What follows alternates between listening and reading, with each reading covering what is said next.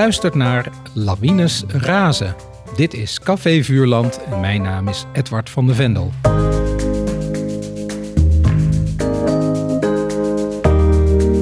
In deze podcast herlees ik klassieke kinderboeken met auteurs van nu.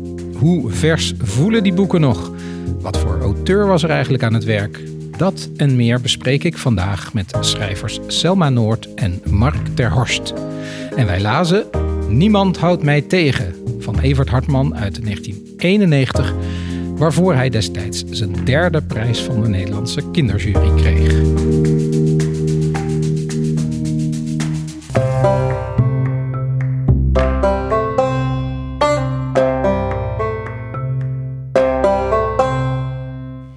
Ja, Selma en Mark, fijn dat jullie er zijn.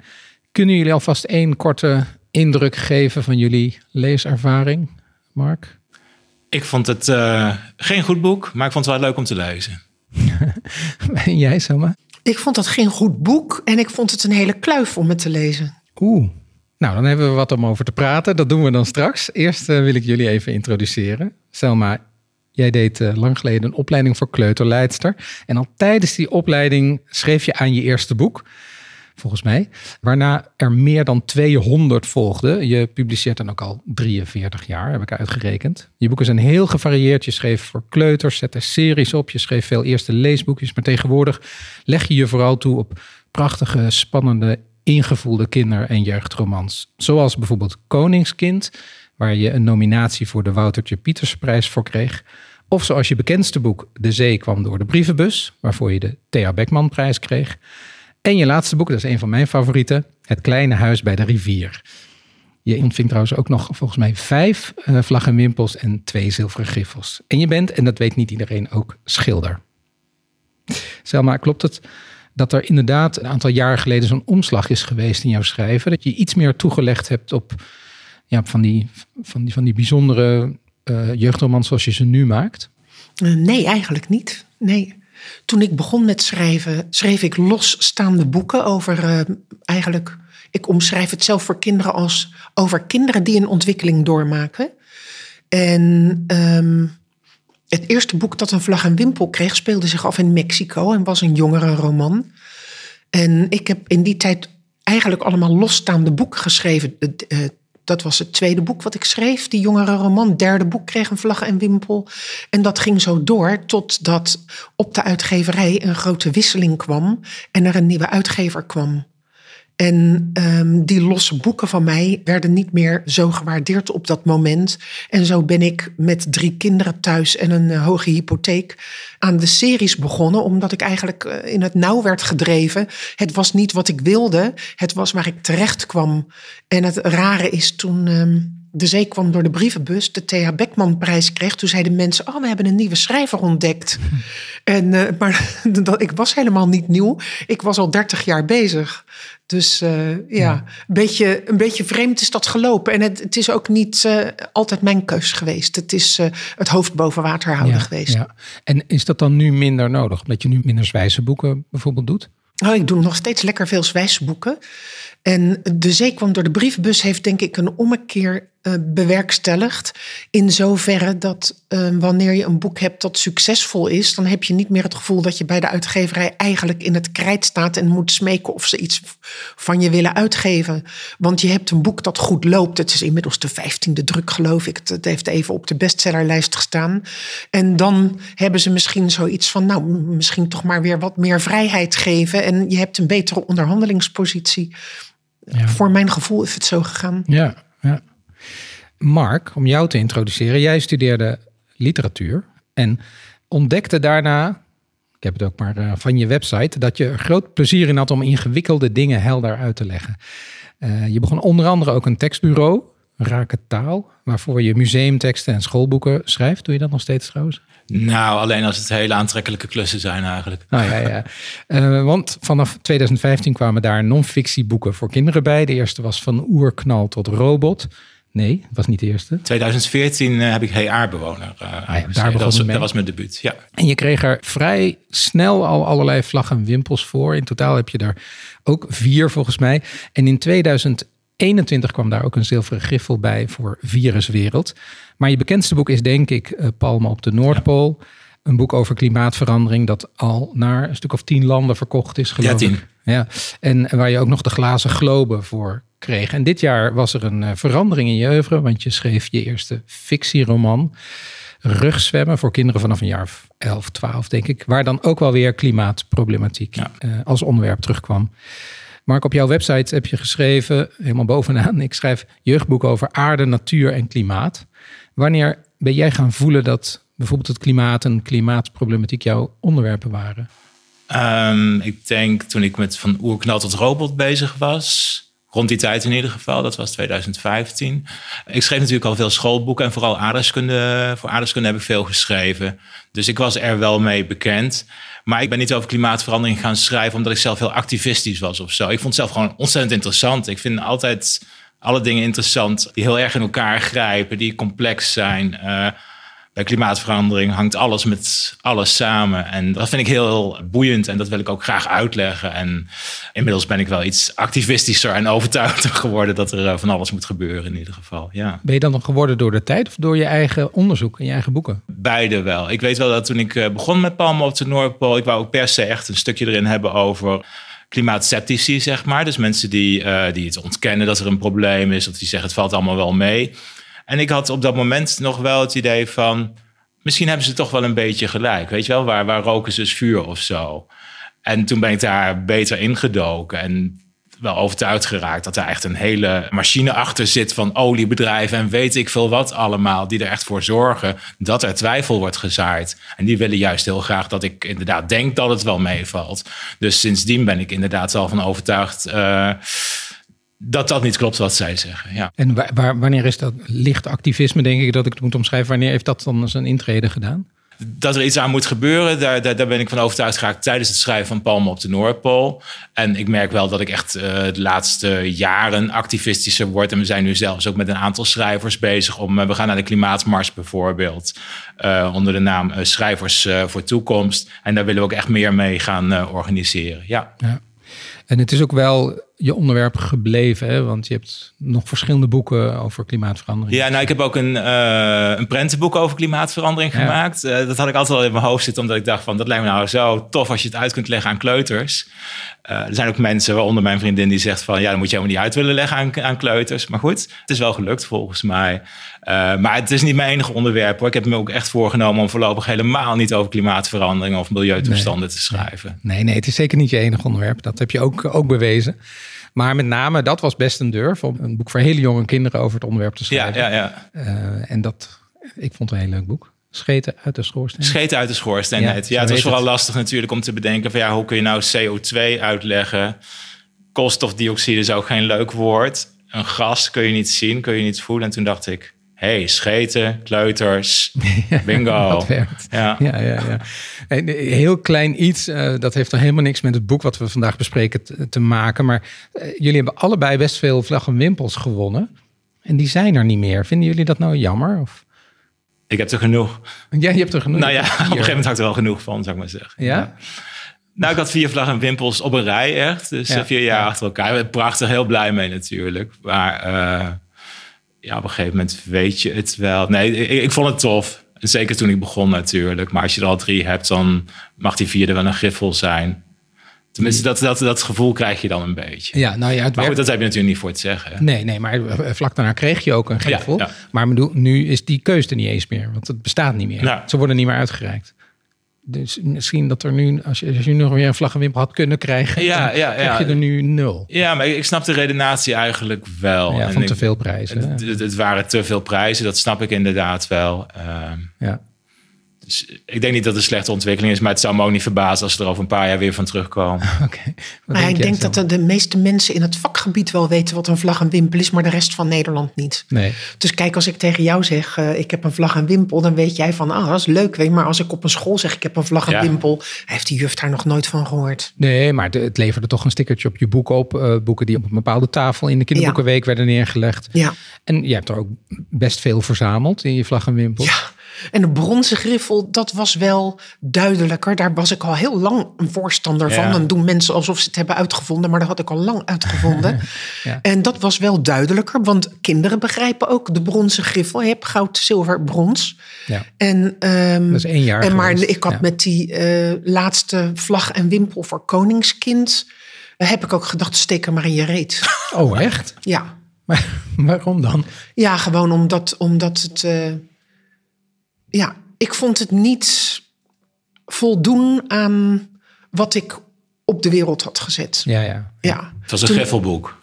Ja, dat vond ik. Ik vond het echt een griffelboek. En toen dacht ik van, nou, weet je, die eeuwig troostprijs, bekijk het maar. Ja, nee, eh, eh, nog even precies. eh, Bronzen griffel, dat is zoals ze het genoemd hebben.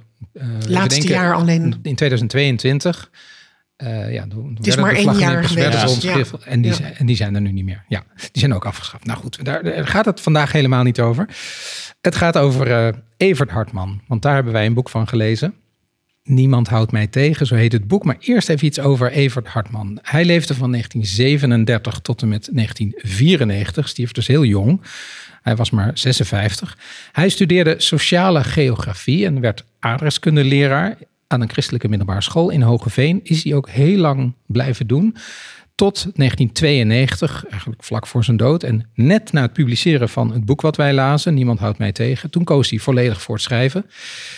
Hij had al wel veel gemaakt. Hij debuteerde als schrijver met avonturenromans voor volwassenen. Die werden niet heel bekend, maar in 1979 was er Oorlog zonder vrienden. Dat is een van zijn bekendste titels. Meteen een enorm lezerssucces. En ook bekroond met de Europese Literatuurprijs. En hij werd qua prijzen een echte jongere favoriet. Hij won vier keer de kinderjury in de categorie 13 tot 16. En heel bekende titels zijn bijvoorbeeld Vechten voor Overmorgen of Gegijzeld of Buitenspel. En zo zijn er nog wel wat meer. Het boek dat wij lazen, Niemand houdt mij tegen, is een boek uit eh, 1991, maar het speelt in 2136. Ja, de ondertitel is dan ook Een avontuur in de 22e eeuw. Nederland is dan voor de helft onder water gelopen en de beginzinnen van het boek zijn: Het had niet geholpen. Verhoging van dijken, versterking van waterkeringen, wanhopige pogingen van Rijkswaterstaat om de duinen te redden. Het was allemaal voor niets geweest. Het peil van de oceaan was gestegen met een snelheid die men niet voor mogelijk had gehouden. Ja, dat begint niet heel erg optimistisch. Maar meer dan over die klimaatveranderingen gaat dit boek eigenlijk over de nieuwe samenleving die Nederland op dat moment geworden is. En specifieker over hoe er met buitenstaanders wordt omgegaan in die nieuwe samenleving. De hoofdpersoon is Richard, hij is 16 en hij ziet in een winkel hoe twee Vlaamse meisjes worden opgepakt omdat ze geen persoonskaart, wij zouden nu zeggen ID, bij zich hebben.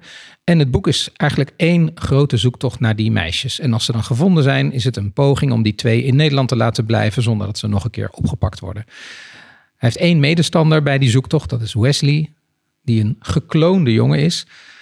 En er is dan ook nog, daar komen we misschien straks op, een jonge meisje, Raisa, die nemen ze onderweg ook nog op sleeptouw. Ja, maar eerst die klimaatomstandigheden. Nou, ten eerste die eerste zinnen die ik zo zei. Hè. Was hij een visionair? Want hij schreef het dus in 91. Ja, ik kijk naar jou. eh. Ja, dat snap ik. Ja. Dat kan ik me voorstellen. Ja. Eh, nou, er was toen natuurlijk al best wel eh, veel bekend in die tijd. Ik, ik weet niet of het inderdaad zo concreet duidelijk was allemaal. Maar hij, hij kon dit wel weten. Er waren wel meer mensen die dit soort dingen voorspelden. Vanaf de jaren tachtig, denk ik, zo'n beetje. Dus dat kan ik me wel voorstellen. Maar ik, ik vind er wel meer dingen in zitten waarin hij best wel visionaristisch is. Dat is geen woord, denk ik. Maar ja, licht, visionair licht visionair. Ja. Zoals? Nou ja, die ondergrondse steden bijvoorbeeld. Eh, er zitten trouwens ook wel grappige dingen in. Dat valt dan ook meteen op van... eh, ik bedoel, het speelt in de 22e eeuw. Ver in de 22e eeuw heeft ze alles doordacht. Met eh, vervoer door buizen, met zelfrijdende auto's. Dat soort eh, dingen. Waarvan ik me goed voor kan stellen dat je dat tegen die tijd hebt. Maar ze betalen nog met de gulden. Dat Ja. vond ik dan weer zo schattig. Ja, Ja. ja. Nou, en er was nog zoiets. Ze hebben geen navigatie. Oh Ze kunnen gewoon de weg kwijtraken in een bos. Nou, dachten we dat, ja, ik weet niet of hij dat had kunnen voorzien. Ja, maar ja, ja. Dat kunnen we ons toch helemaal niet meer voorstellen. Maar nog even inderdaad hoe die samenleving eruit ziet. Dan misschien zo meteen nog wat meer over voorbeelden van dingen die hij voorzien had. Eh, half Nederland is dus onder water komen te staan. De steden hebben daar verschillende oplossingen voor gevonden. Rotterdam heeft een enorme hoge muur om de stad heen gebouwd. En die stad dan helemaal volgebouwd met zowel naar boven als naar beneden woningen, diep de grond in. En Amsterdam is dat niet gelukt. Amsterdam was wat eh, langzamer en wat nou, nou, arroganter misschien wel. En die hebben een andere oplossing uiteindelijk moeten kiezen nadat er heel veel mensenlevens verloren zijn gegaan. Ze hebben heel Amsterdam verplaatst naar de buurt van Staphorst. Dus daar is Amsterdam opnieuw opgebouwd. Niet alles, sommige hele geweldige oude gebouwen zijn opgeofferd. Maar we hebben daar ook nog grachten en we hebben daar ook nog eh, het concertgebouw en dat soort dingen. Maar daar is ook de stad helemaal naar beneden gebouwd. Wat ik een mooi detail vond, is dat de senioren, iedereen van 60, die mag boven de grond blijven wonen. Maar onder de grond moet je als je onder de 60 bent. Ja, en inderdaad, uh, je kan gewoon als jongere met een auto, want die wordt van afstand bestuurd. Je hoeft niet zelf te sturen. Er zijn verschillende banen voor verschillende snelheden. Er zijn ook nog wel, uh, wel andere manieren van vervoer, maar dat waren toch wel zo'n beetje de, de grootste dingen. Uh, ja, je hebt die boot nog. Oh ja, er, is nog, er zijn hele snelle boten. Van Rotterdam naar Amsterdam was het, geloof ik. Hè? Ja. Dat was de bedoeling tenminste. Ja, ja nou, nou ja, goed, op zich dat er boten zijn, is natuurlijk dat, dat is niet heel erg nieuw. Maar uh, dat je gewoon met de boot van Rotterdam naar Amsterdam kan. Ja, en dat ja. dat de, de, beste manier is, dat uh, was logisch, omdat de rest onder water stond. Wat ik bijzonder aan vond, is dat je. Kijk, als je zo'n boek schrijft zoals dit, wat eigenlijk science fiction is, of fantasy, toch ook wel een gedeelte, dan heb je een world building nodig. De, de, dan moet je die wereld opbouwen. Heeft die, los van de guldens, hè? Maar hoe, hoe vinden jullie dat dat gelukt is? Hoe gelooft hij in die wereld? Ja, ik zei net uh, van ik vind het geen goed boek. En in die zin, ik vond het niet aangenaam. Dat is misschien een beetje een rare verwoording. Ik vond het niet aangenaam om te lezen. De toon niet, maar ik vond het wel interessant. En uh, iedere keer dacht van hoe oud was die man ook alweer? Wanneer heeft hij dit ook alweer geschreven? Jeetje, hoe is het mogelijk?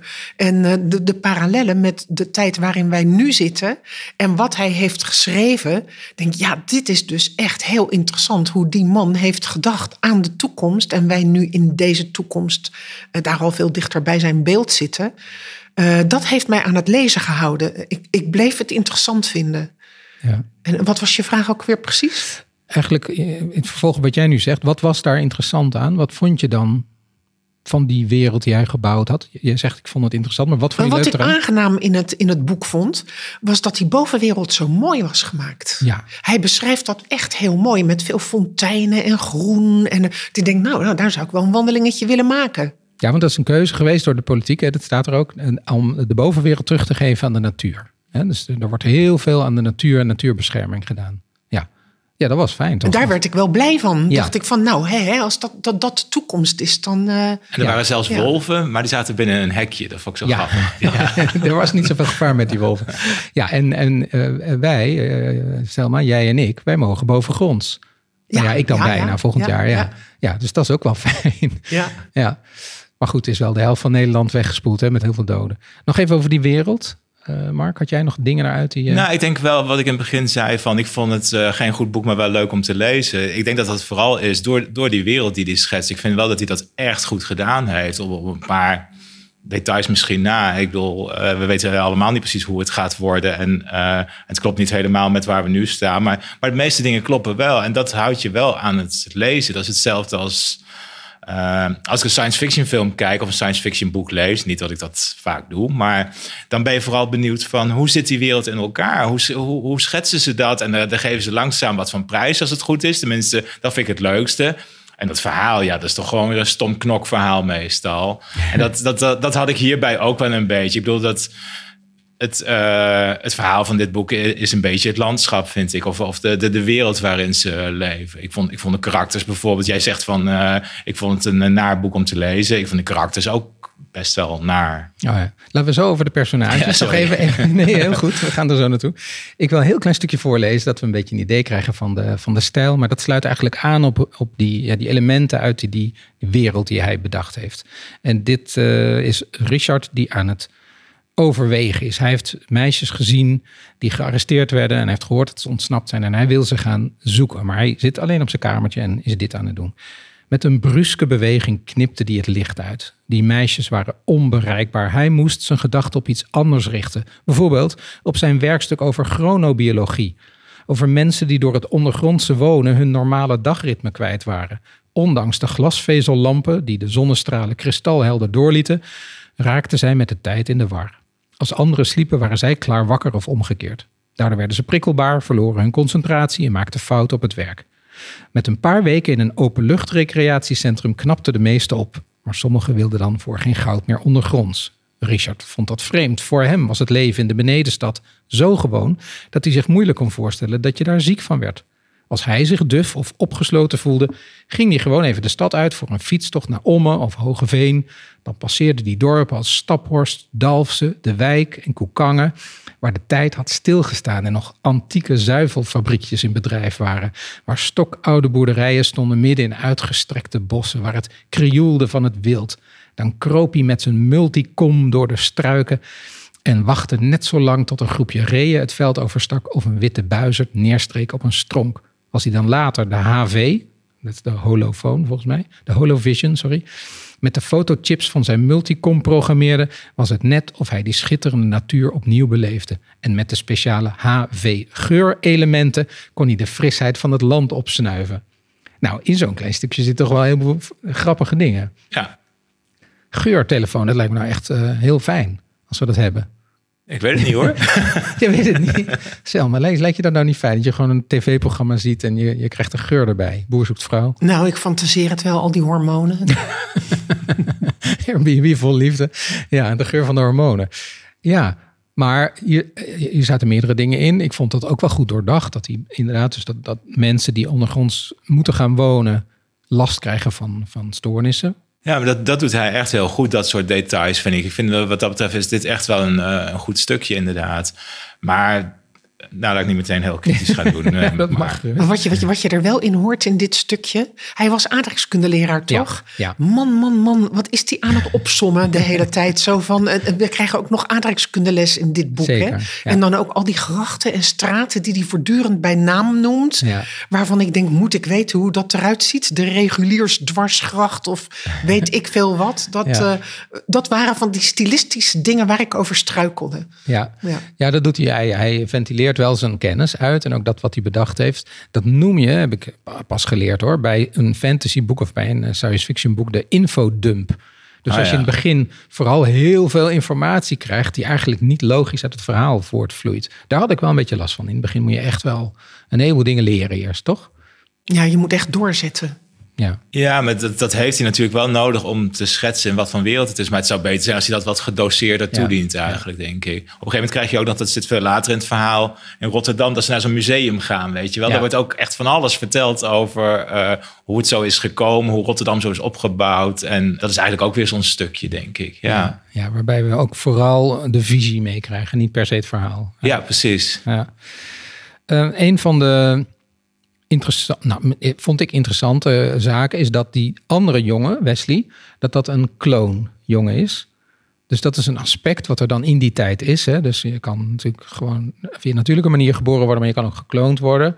Maar daar is ook meteen wat discriminatie bij. Of in ieder geval worden die kloonjongens, ja, niet, niet of meisjes, niet, niet voor vol aangezien. Hoe vonden jullie dat gedaan? Een beetje curieus, want het is gewoon een levend wezen met... eh, ja, er, er is er misschien nog één van, maar niemand ontwikkelt zich op dezelfde manier. Dus vond het een beetje rare discriminatie. Waarbij ik aanteken dat ik Wesley de leukste personage van het boek vond. Oh ja, ja. Maar elke discriminatie is toch rare discriminatie? Ja, Ja, alle- alleen mensen kunnen dan nog dingen. Ja, nou ja, het is allemaal gegrond in fantasie over anderen, inderdaad. Ja, ja. Ja, maar ik vond het wel aannemelijk dat daar natuurlijk wel door bepaalde mensen onderscheid wordt gemaakt. Natuurlijk. En Ja. natuurlijk ook met die, eh, hoe heet ze, halflevers, kortlevers of zo. Die ze Ja. op een gegeven moment tegenkomen. Dat zijn dan eh, mislukte klonen. Ja, die, worden helemaal- in een, soort klein eh, reservaat bij elkaar, wonen die. Ja, dat is dus echt eh, heel zielig, zeg maar. eh, het uitschot, eh, tenminste zo wordt het door die maatschappij kennelijk eh, gezien. Ja. Ja, die ook geen persoonskaart gekregen hebben. ja. Ja. Ja. en er was ook wel iets van grond voor die discriminatie, omdat mensen zeiden van dat zij eh, eigenlijk werden opgeleid, werden dan een tijdje in, in een pleeggezin geplaatst.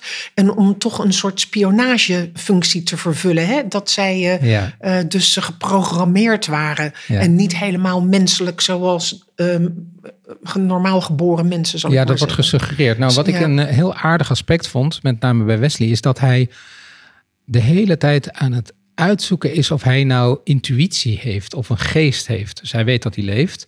Maar je raakt dus bevriend met Richard. En die, ja, die, die, die neemt beslissingen op zijn intuïtie. En dat vindt deze toch wat autistische kloonjongen heel erg interessant. Dat vond ik leuk gedaan, toch? Ik vond hem heel grappig. Ja, ja maar ik vond dat er wel erg dik bovenop liggen. Op het moment dat die discussie voor het eerst is van... Uh, jij hebt wel intuïtie, wat is dat dan? En uh, ik heb geen intuïtie. Dan weet je eigenlijk al dat het terug gaat komen op het laatst dat hij intuïtie zal krijgen. Of dat, dat er iets op intuïtie zal gebeuren door Wesley. Ja. En dat gebeurt dus ook.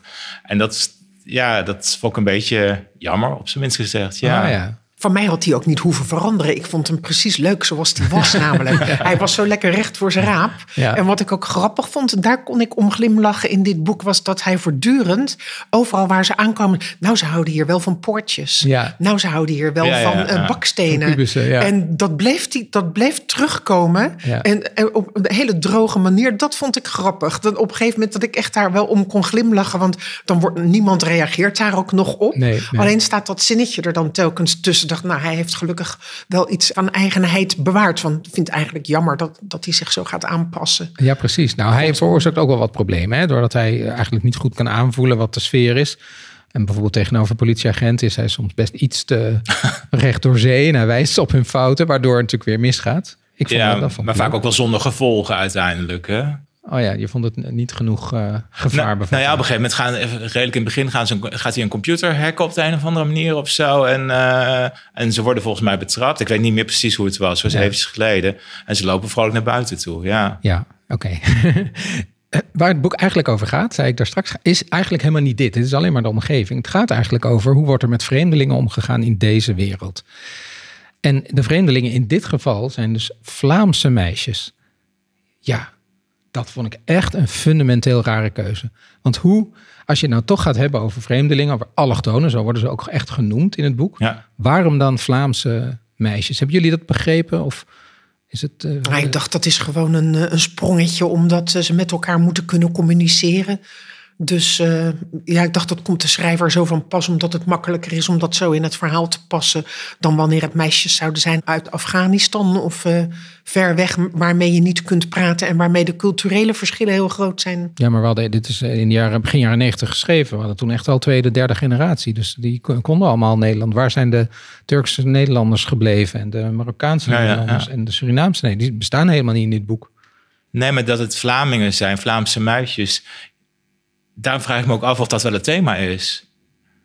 Je- je- Tenminste, ik, ik zie dat niet echt als het grote overkoepelende thema in dit boek. Omdat het toch wel, ga ik weer, een beetje zwak is neergezet, vind ik. Mede doordat het Vlaamse meisjes zijn die eigenlijk geen reden hebben om uit hun land weg te gaan, volgens mij. Amper. Ja, Ja, een van de twee heeft dan een reden. Want die, ja, die wordt onderzocht en tegen haar wil misschien of waarschijnlijk slecht behandeld in een soort centrum. ja, Die is ontsnapt. Het andere meisje is haar vriendin, die gaat mee. ja. Ja, Dat, dat, dat is eigenlijk het enige. Dus, dus dat hele vluchtelingenverhaal. Ik heb zelf een beetje het gevoel dat, eh, dat hij echt wel heel veel verschillende thema's aan wil snijden. En even wil noemen. Op een gegeven moment gaat het ook over eh, orgaanroof. En dat, eh, dat je daar dingen mee doet. Dat klonen zit erin natuurlijk. Dat vluchtelingenverhaal zit er een beetje in. Het klimaat zit er een beetje in. Van alles wat. Dus ik zie niet één groot thema voor me eigenlijk. nee, nee. Nou ja, het is wel de, het is wel de reden voor een zoektocht. Hè? Want die meisjes die, eh, ja, die, die zijn dus opgepakt omdat ze geen persoonskaart hebben. Omdat ze het land weer uitgezet moeten worden. Zij ontsnappen. En hij is verliefd geworden op een van die twee door ze alleen maar door er te zien. Ja, Ja, ook een beetje ongeloofwaardig. Nou, die- Zeer. ja die vond het ik... is mij ook wel eens gelukt, maar... eh, Oh, wat, wat is je gelukt? eh, nee, niks. Vertel, vertel.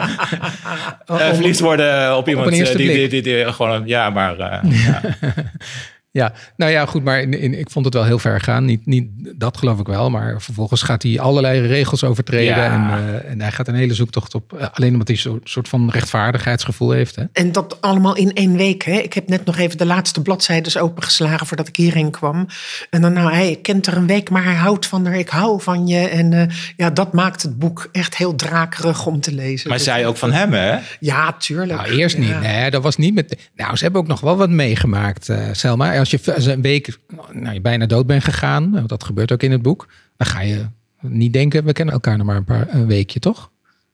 Je kijkt heel ik, ik weet, ik heb dat nooit meegemaakt nee, binnen de tijdspannen van een week. Dus, eh, ik heb best een enerverend leven gehad, maar nee, dit, dit niet. Nee. ehm, en de andere personages. We hebben, laten we eens even langs gaan. We hebben Richard en Wesley. We hebben de twee Vlaamse meisjes. We hebben ook de ouders van Richard. Wat vonden jullie van die ouders?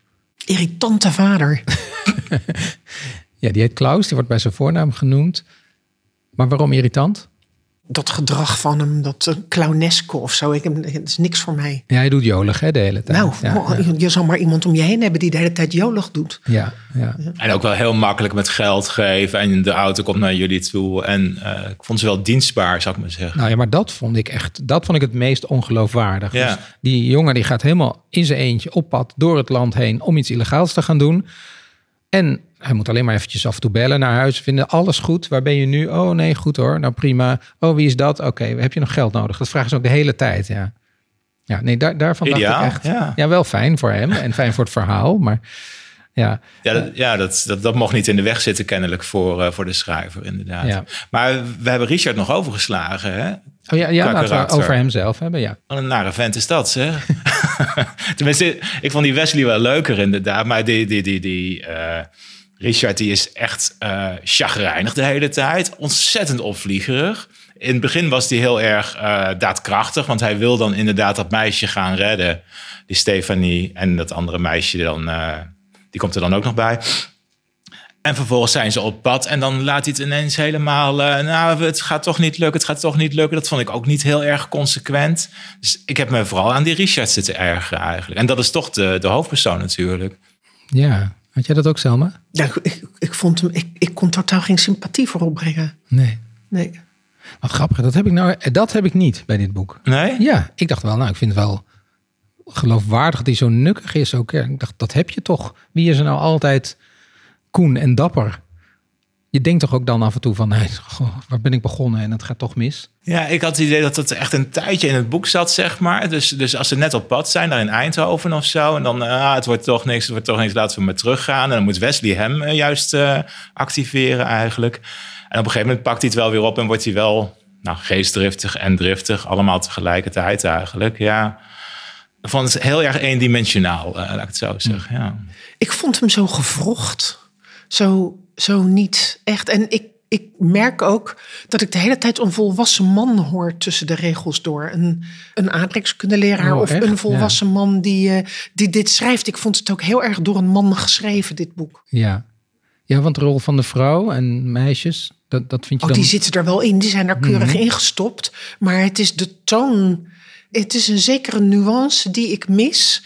En een zekere empathie die. ehm, het, het is te praktisch, te afstandelijk neergezet naar mijn mening. We hadden het net even over andere Rutgers van der Loef, maar Lawines Razen. Maar zo opnames, em- ja. eh, ja, empathisch en eh, invoelend. En dit vond ik meer beschrijvend. Dus ik denk ook dat dat voor mij maakte dat ik het een moeilijk boek vond. Ik moest me echt ertoe zetten om het iedere keer weer op te pakken. Ja. Eh, laten we nog over één personage, dan gaan we naar iets anders. Eh Raisa is een jong meisje, die is 13, die, eh, ja, die, die, die reist min of meer per ongeluk ook met hun mee. Het is een meisje wat de hele tijd ongelukkige en onhandige dingen zegt. Zij woont ergens op een plek waar andere mensen wonen die ook geen persoonskaart hebben. Ze wil daar ontsnappen. Nou, ze, ze klemt zich min of meer soms letterlijk aan deze jongens vast. En ze raken haar niet kwijt. En soms is dat, vinden ze dat verschrikkelijk en willen ze erachter laten. En soms is zij ook wel weer heel erg lief en grappig. En hoe, hoe vonden jullie haar? Want zij is duidelijk een ander personage dan de andere. Zij was ook irritant, maar ik, ik- maar, maar, maar, maar ik, ik vond haar best, best leuk. Of tenminste, Ja, ja. Haar, haar, haar rol, ze, ze, ze zorgt wel steeds voor, wendingen of zo. Op een gegeven moment weet je natuurlijk wel van, oh, daar gaan we weer. Maar dat had ik bij, bij, bij veel van de personages. Wat, wat dat betreft had het boek gewoon eh 100 of eh 200 bladzijden minder dik moeten zijn, eh, vind ik. En ook, ook qua avonturen trouwens eh, had dat best gemogen. 200 bladzijden minder, dat dan wordt wel heel 200 dun. Maar ja. ik weet- hoe, hoe dik is die? 300 of zo, denk ik? Eh, 300, ja. ja. Ja. Dan blijft er dan- niet heel dat- veel over. hij, hij had van mij gehalveerd mogen Oh, worden. Ja. wauw, ja. Ja, ik, kan me, ik, ik weet wel wat Mark bedoelt. Ik kan me daar wel uh, achter scharen. En ook, uh, ja, misschien omdat wij toch wel kijken als schrijvers... dat je kijkt naar de functionaliteit van zo'n karakter in het boek. En ja, dan is het heel functioneel om een ordeverstoorder erbij te hebben... of een autist die het niet begrijpt. En dan, ja, zodat je de, de plotwendingen door de karakters in werking kan laten zetten... Want ik kan me herinneren, ik heb vroeger één boek van hem gelezen. En dat kom ik dan ook wel weer tegen over dan iemand die paranormaal begaafd is. Dat komt dan weer terug in dit meisje. Ja, dus je ziet ook wel een beetje ja, de, de, de, kapstokjes waaraan hij zijn verhalen ophangt. En inderdaad. Uh, ja, wat Mark ook al zei, hij hinkt op heel veel gedachten. Ja, ook heel veel thema's tegelijk. En, uh, ja. Ja. Nou, jullie zijn uh, streng. Ik vond het een leuk boek. Ik, ik kan net zeggen, wat vond jij ervan? Nou ja, ja ik, ik zie die dingen al, maar ik had er totaal geen last van. Ik vond het een heerlijk boek om te lezen. Echt. Ja, dat vond ik dus ook wel hoor. Ja. Tenminste, ik had niet wat jij had, uh, Selma, dat ik me ertoe moest zetten om het verder te lezen of zo. Nee. Nee. Dus het was, uh, en dan ben ik ook wel benieuwd hoe die het afhecht, zeg maar. Ja. was ik ook niet heel erg over te spreken, maar... Nee, nee, nee, ik, ik zie ook wel, ja, sommige dingen zijn niet geloofwaardig. Maar ik had er op de daar heb ik normaal heel veel last van. Hierbij wat minder. Maar dat is ook omdat ik dan die setting heel interessant vind. Ja, dat vind ik dus ook. Ja. ja, dus dat zei je ook al. Laten we even kijken naar wat de kritiek destijds schreef. Ah. Nou, die was ook niet mals. Ah. Uh, kijken of we het er helemaal mee eens zijn of half. Nou, Trouw die zei, zoals te verwachten was, is Niemand houdt mij tegen geen literaire verrassing. Dus uh, te verwachten bedoelen ze zijn andere boeken kennen. De clichés als de gloed van haar ogen of het smeulende vuur binnenin hem zijn schering en inslag. Inhoudelijk is de roman die in het jaar 2136 speelt wel interessant, vooral door het toekomstbeeld dat Hartman geeft. Nou, jullie knikken. Ja. Mee eens, ja.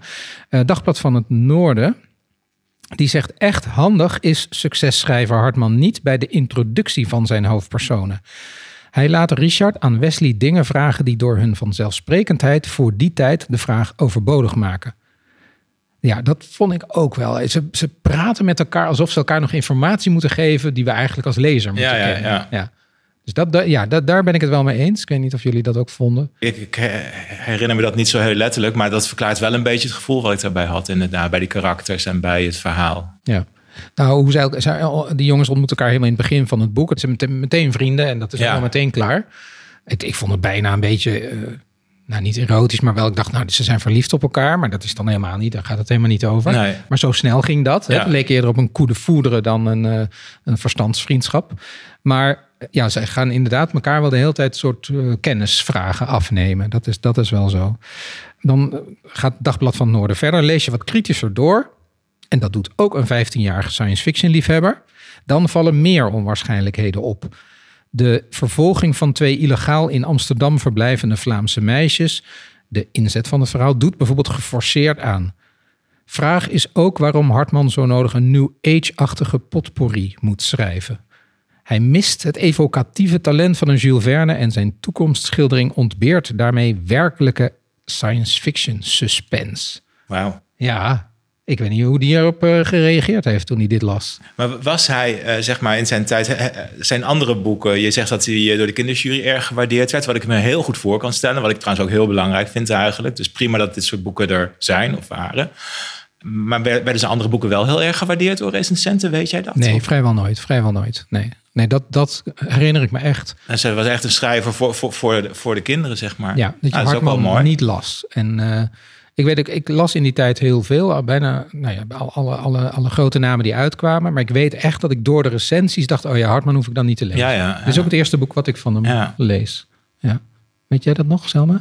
Nou, ik denk dat ik toen ik jong was helemaal niet wist wat recensies waren en dat ook nooit in handen kreeg. Dus ik las gewoon rijtje voor rijtje van de bibliotheek.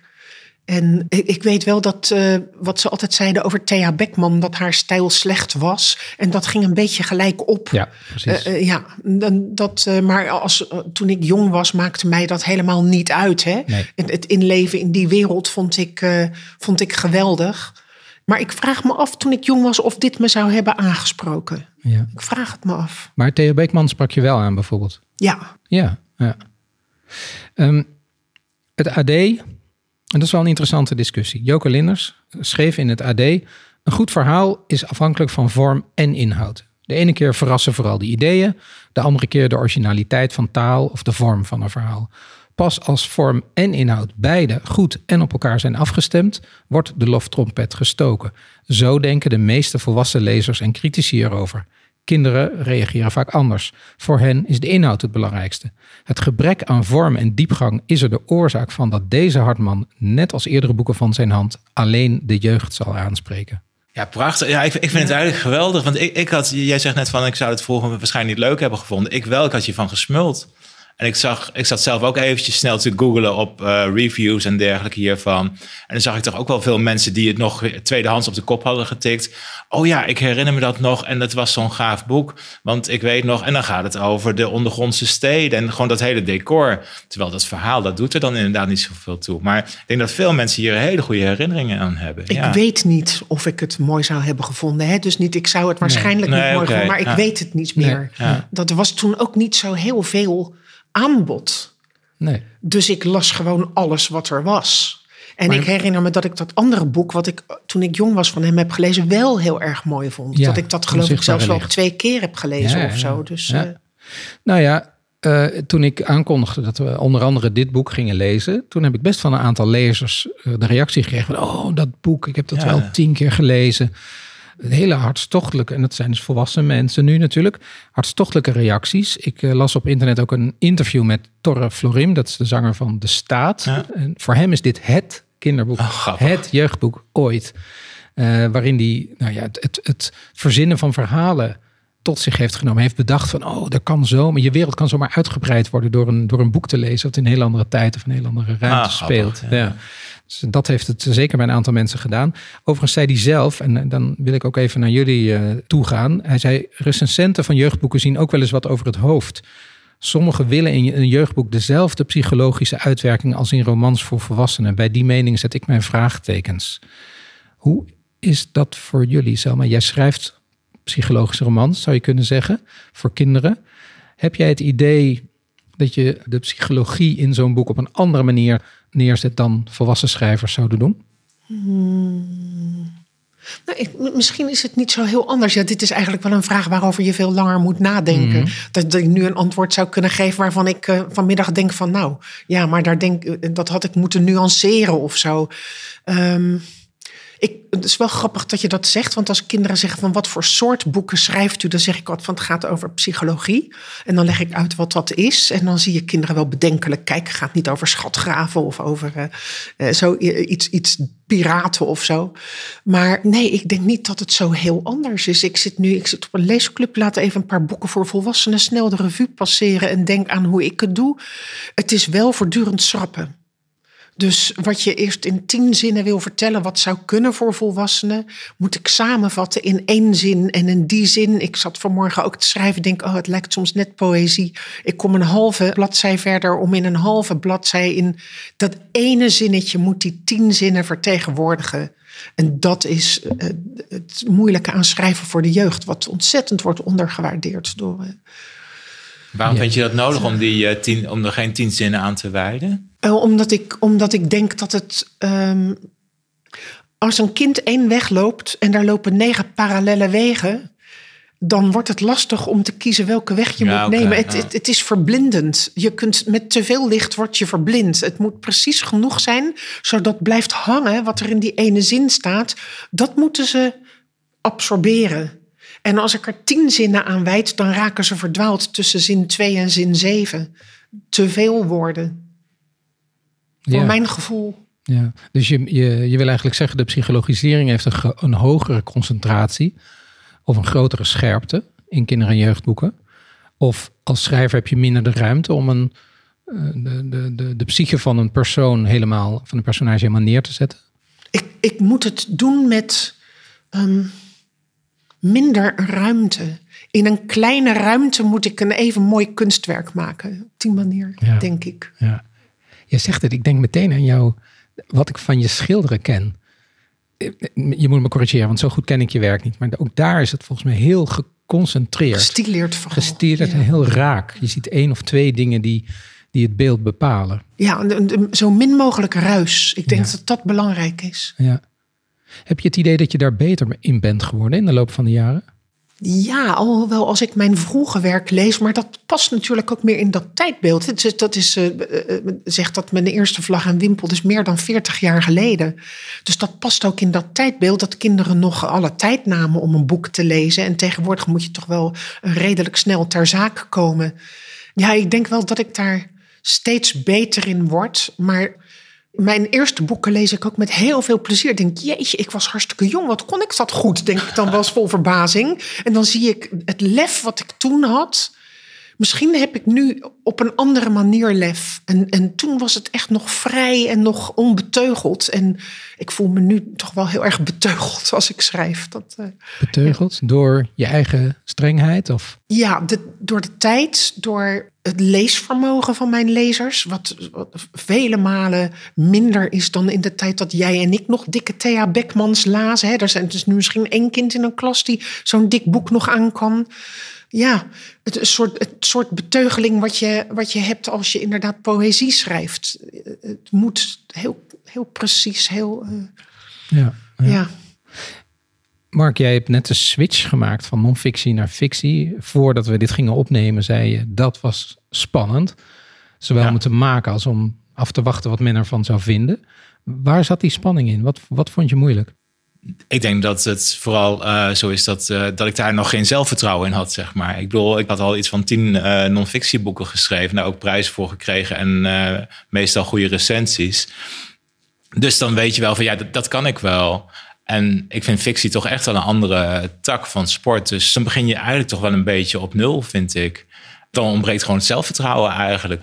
Wat ik ook wel weer heel erg fijn vond, want ik kon gewoon, ik ben het gaan schrijven ja, van, van, van nul af aan. Zo, van, ik zo denk ik dat een boek moet zijn, zeg maar. En als men het op die manier niet mooi vindt, als ik er nog veel meer werk in zou moeten steken om het mooi te krijgen, dan ben ik geen fictieschrijver. Zo heb ik het een beetje gezien eigenlijk. Ja, maar ik denk, als we het hebben over de psychologisering hè, en mhm. over, over nou, de dingen die we niet goed vonden aan Evert Hartman. Ik heb jouw boek uh, ook gisteren en vandaag gelezen. Daar zit heel veel dialoog in. Het is heel makkelijk te lezen. De personages. Uh, hoofdpersoon Noor, maar ook de anderen zijn heel erg uh, geloofwaardig. En je hoort ze praten de hele tijd. Met name in de tweede helft van het boek, waar daar heel veel gebeurt. Mhm. Ja, een moeilijke vraag aan jou, maar hoe heb je die natuurlijke staat bereikt? Heb je kinderen afgeluisterd? Uh... Ik heb geen flauw idee, maar dat is bij mijn non-fictie ook zo. Uh, ja, ik ben heel blij dat je dat zegt. Het is kennelijk gelukt en kennelijk heb ik het wel in mijn vingers. En ik hoop dat ik dat vast kan houden. Maar ik, ik vind het heel moeilijk om te zeggen waar ik dat vandaan heb. Kijk, ik heb natuurlijk vroeger altijd veel geschreven. Ik denk dat ik altijd wel goed ben geweest om te denken vanuit de doelgroep. Ik zie altijd de doelgroep voor me. Ik zie hem ook altijd als heel kritisch voor me. Wat jij net zegt, Selma, van je voelt je beperkt. Ik vind dat heel fijn. Ik, ik, ik, ik weet wat van kinderen dat zijn. En ik, ik, ik, ik, wil, ik wil het ze naar de zin maken. Ik wil ze dat verhaal zo snel mogelijk inslepen. Ik wil er humor in hebben en spanning en alles. Dus dat is wel een soort van ja, schabloon wat ik voor mezelf... Ja, schabloon is niet het goede woord. En ik denk dat ik dat in mijn non-fictie natuurlijk ook al wel heb geoefend. In non-fictie zitten natuurlijk ook cliffhangers. Er zitten voorbeelden in. Soms zitten er uh, wisseling van perspectief en noem maar op. Dus uh, in die zin wel. Maar ik, ja, ik vond een roman schrijven, zoals rugzwemmen... vond ik toch wel anders om te doen. Omdat je... Ja, er moet ook opbouw in zitten. Er moet karakterontwikkeling in zitten. Er moet, het moet inderdaad geloofwaardig zijn ja, hoe doe je dat? Uh, het was toch een beetje godzegende de greep bij mij. En kennelijk was de greep dan wel goed, ja. Voor welke leeftijd is dit boek? Uh, volgens de uitgever 12 plus, ik zeg 10 plus. Oh, ja. ja. hoofdpersoon zit in de brugklas. Ze zit in een brugklas, dus vandaar dat, uh, dat ze 12 plus aanhouden. Maar er zit geen seks, drugs of Nee, groep 7 vindt het al dus, heel interessant om over een brugklasser te lezen. Die vinden dat juist ja, leuk. Ja. Ja, ja. ik denk dat dat ook kan, zeker. Um, nou, dat gebeurt ook al, hoor ik. Wordt ook voorgelezen in groep 7, ja. Ja, dat wel. Ik wil nog één laatste quote eigenlijk van Hartman uh, aan jullie voorlezen. En, en, misschien dat we daar nog op kunnen reageren. Uh, en dat gaat eigenlijk over het schrijven zelf. Schrijven, zegt hij, is een manier van werken die voor mij ongelooflijk plezierig is. Je studeert namelijk terwijl je schrijft. En dat is mooi meegenomen. Je leert van elk boek nieuwe dingen. Je verandert ook en gaat anders denken over bepaalde onderwerpen. Schrijven is een proces van veranderen. Dan kom ik, zegt hij, bij de bedoeling van mijn boeken. Ik wil graag dat de lezers gaan nadenken over de onderwerpen die ik aandraag, net zoals ik zelf ook nadenk. Je kunt dan de lezers natuurlijk gaan manipuleren door je eigen ideeën in de mond te leggen van personages die aardig zijn. En iemand die niet leuk is, geef je dan de tegenovergestelde mening. Maar dat wil ik voorkomen. Daar wil ik eerlijk in wezen. Ik ben niet bang om mijn nek uit te steken in politiek, maatschappelijk of godsdienstig opzicht. Kunnen jullie het met deze schrijfopvatting eens zijn? Past die bij wat jullie doen? Ja, ik herken me daar heel end in. Ja, en vooral die verschillende perspectieven geven, denk ik. Je zegt net dat je net terug zijn hebt gelezen. En dat gaat over klimaatverandering. En veel mensen denken dan van... oh, Mark gaat zeggen van zus en zo moet het. Of die gaat zeggen van uh, je mag niet dit of je mag niet dat. Maar ik heb er wel bewust heel veel verschillende perspectieven in gelegd. En ook de hoofdpersoon Noor uh, ook zo gemaakt... dat ze uh, tekeer gaat tegen dat gezeik over klimaatverandering van haar ouders... En wat hij zegt over dat, je, dat hij daar zelf veel van leert en daar veel plezier in heeft, dat, dat heb ik inderdaad ook uh, enorm, ja. Ja, ja. maar je, je zegt wel dat je actief waakt voor een bepaalde prekerigheid. Ja, nou, ik, ik, denk dat wat dat betreft is misschien Palm op de Noordpool nog wel een beter uh, voorbeeld. Dat is echt een, uh, mijn non-fictieboek over klimaatverandering ja, daarin zeg ik niet van je moet dit en je moet dat doen, maar wel je, dit zijn de wetenschappelijke feiten. Ik heb daar erg veel onderzoek voor gedaan. En trek daar je eigen conclusie uit. En ik zal niet ontkennen dat daar wel een beetje mijn eigen mening in doorcijpelt. Uh, maar het is niet zo van uh, je moet dit en je moet dat kindertjes, want anders dan uh, loopt het helemaal verkeerd af met de wereld. Ja, ja. Is Selma voor jou dat schrijven ook net zo'n onderzoek? Verander jij ook door het schrijven van een boek, zoals Hartman zegt? Moeilijk hoor. Nee, ik denk niet. Wat, ik, ik heb wel het gevoel dat ik uh, het schrijven gelijk opgaat met uh, mijn persoonlijke ontwikkeling. En in die zin het proberen zo helder mogelijk een beeld te schetsen. Want ik denk eigenlijk in beelden, dus dat moet dan weer naar woorden. En dan moet de, de, lezer daar weer beelden van maken. En uh, ik verwerk daarin mijn eigen ontwikkeling. Dus zegt dat als je recentelijk het een en ander hebt meegemaakt, dat echoot wel in de boeken. En, en ook wel mijn persoonlijke leven herken ik altijd wel terug in, uh, in bijna alle boeken. Ik zie hier het kleine huis bij de rivier. Ja, dat is dus niet ver van boek. mijn huis af. Ah, ja. En, ja. en heel erg uit mijn eigen wereld. Ja. En uh, dat heeft uh, meer weer met mijn persoonlijke opvattingen te maken. Dat wanneer wij villa's blijven neerzetten in, in de plaats van arbeidershuisjes. Hoe kan ik mijn kleindochter dan nog laten zien waar die elf kinderen op de zolder sliepen? Ja. Weet je, dat, uh, het wordt weggevaagd. Alsof het nooit heeft bestaan. Ja, ja. Het boek wat wij lazen was een van de laatste boeken van Evert Hartman. Jullie hebben nog vele, vele jaren, vele boeken te goed. Het is eind 2023. Kunnen jullie een kleine glimp geven van wat er misschien nog gaat komen van jullie? Selma, is er een... Uh... Ik ben heel druk aan het werk en uh, ik hoop uh, over een week of twee drie kwart van de roman die ik aan het schrijven ben, dat was ook weer 12 plus, hoop ik naar Martijn van der Linden te kunnen sturen die het omslag weer gaat maken. Ik heb het telkens uitgesteld. Het is een heel, het is het moeizaamste boek wat ik ooit heb geschreven. Mm. En ik vrees ook als wij het hier over Evert Hartman hebben, dat de, de, de moeite van het hele boek zit erin dat het een niet bestaande wereld is. Dus je moet hem helemaal creëren. Maar ik wil niet die infoblob, noemden jullie dat? Infodump. Ja. Die infodump wil ik niet op die manier zeker niet. Ik denk dat ik daar wel heel goed in, ben geslaagd. En uh, het is zo moeizaam omdat het gaat over hele, hele grote thema's. En omdat ik uh, vrees dat ik te veel hink op twee gedachten, maar ik kan het niet meer ongedaan maken. Het, het is er nu eenmaal. Hmm. En uh, zo zit het nu eenmaal in elkaar. Maar daar, uh, ik heb een soort van struikeldrempel in dit boek. En ik, ik kom daar niet, niet goed mee binnen. Ik struikel iedere keer en smak dan naar binnen over de drempel. Dat is een beetje de makken met dit boek. Maar ik ga het afmaken. En, uh, ja, het klinkt toch wel als iets wat waarschijnlijk heel veel mensen willen lezen. Ik vind het juist heel, heel goed wat je zegt.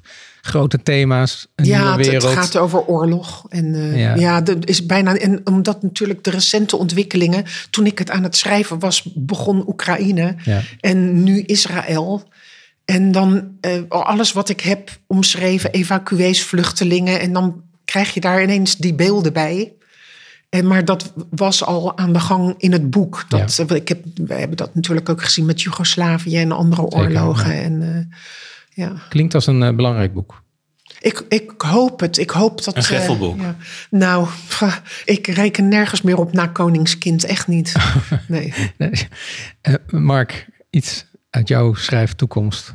Dat heb ik ook wel eens tegen jou gezegd, Edward. Dat, ik vind het zo tof dat jij allemaal hele verschillende dingen doet. En dat, uh, ik ben inmiddels, kom ik ook een beetje in die richting. Ik heb gelukkig, oh, kijk, ik heb nog geen gedichten. Dat is gelukkig voor jullie, denk ik. Maar ik bedoel, ik heb non-fictie voor, uh, voor Team Plus. Ik heb prentenboeken nu. Ik heb non-fictie voor jongere leeftijd. En nu ook fictie. Dus ik heb echt een lijstje bijna liggen. Nou, in ieder geval in mijn hoofd met ideeën. En ik ben ook al begonnen met dingen die dan weer niet op het lijstje staan, die ik ook nog niet met de uitgever heb eh, besproken. Dus ik heb wel heel veel zin om uh, van alles te gaan doen. Maar hele concrete dingen nu noemen, kan ik eigenlijk nog niet. Nee. Oké, ja. Maar wel meer, meer fictie ook. Dat ja, zeker. zeker. Dat smaakt echt naar meer uh, het schrijven van fictie. Al was het maar omdat, dat vertel ik ook wel eens op scholen. Dan laat ik zien hoeveel websites ik heb bekeken, hoeveel boeken ik heb gelezen voor Palm of the Noordpool. Ja. En uh, dat zijn 660 websites die ik dan uh, laat zien. ja. Nou ja, dat hoef ik bij fictie niet te doen. dan uh, plug je gewoon de internet eruit en ja. gaan. Ja, oké. nou, ik kijk uit naar jullie boeken. Ik moet eerlijk zeggen dat ik geïntrigeerd ben door Evert Hartman en echt ook nog wel andere boeken van hem gaan lezen. Ik durf jullie die vraag niet te stellen. Dus laten we dat maar even non-verbaal houden. Maar dank jullie wel voor het lezen van dit boek en voor er zo ruimhartig over praten. Graag gedaan. Graag gedaan, stof. Dit was Lawines Razen, een podcast van Café Vuurland. De gasten in deze aflevering waren schrijvers Selma Noord en Mark Terhorst. De montage was in handen van Ignaas Schoot en mijn naam is Edward van de Vendel. Je kunt alle informatie uit deze aflevering nalezen op www.vuurland.nu. Klik dan even door op Café Vuurland. We bedanken de erven Anne Rutgers van der Loef en uitgeverij Ploegsma voor het mogen gebruiken van de naam Lawines Razen. Het logo is van Floor de Goede en volgende week donderdag is er weer een nieuwe aflevering. Dan bespreken we de Chameleon-serie van Hotse de Roos en de gasten zijn Tosca Mente en Sander Meij. In de tussentijd veel herleesplezier.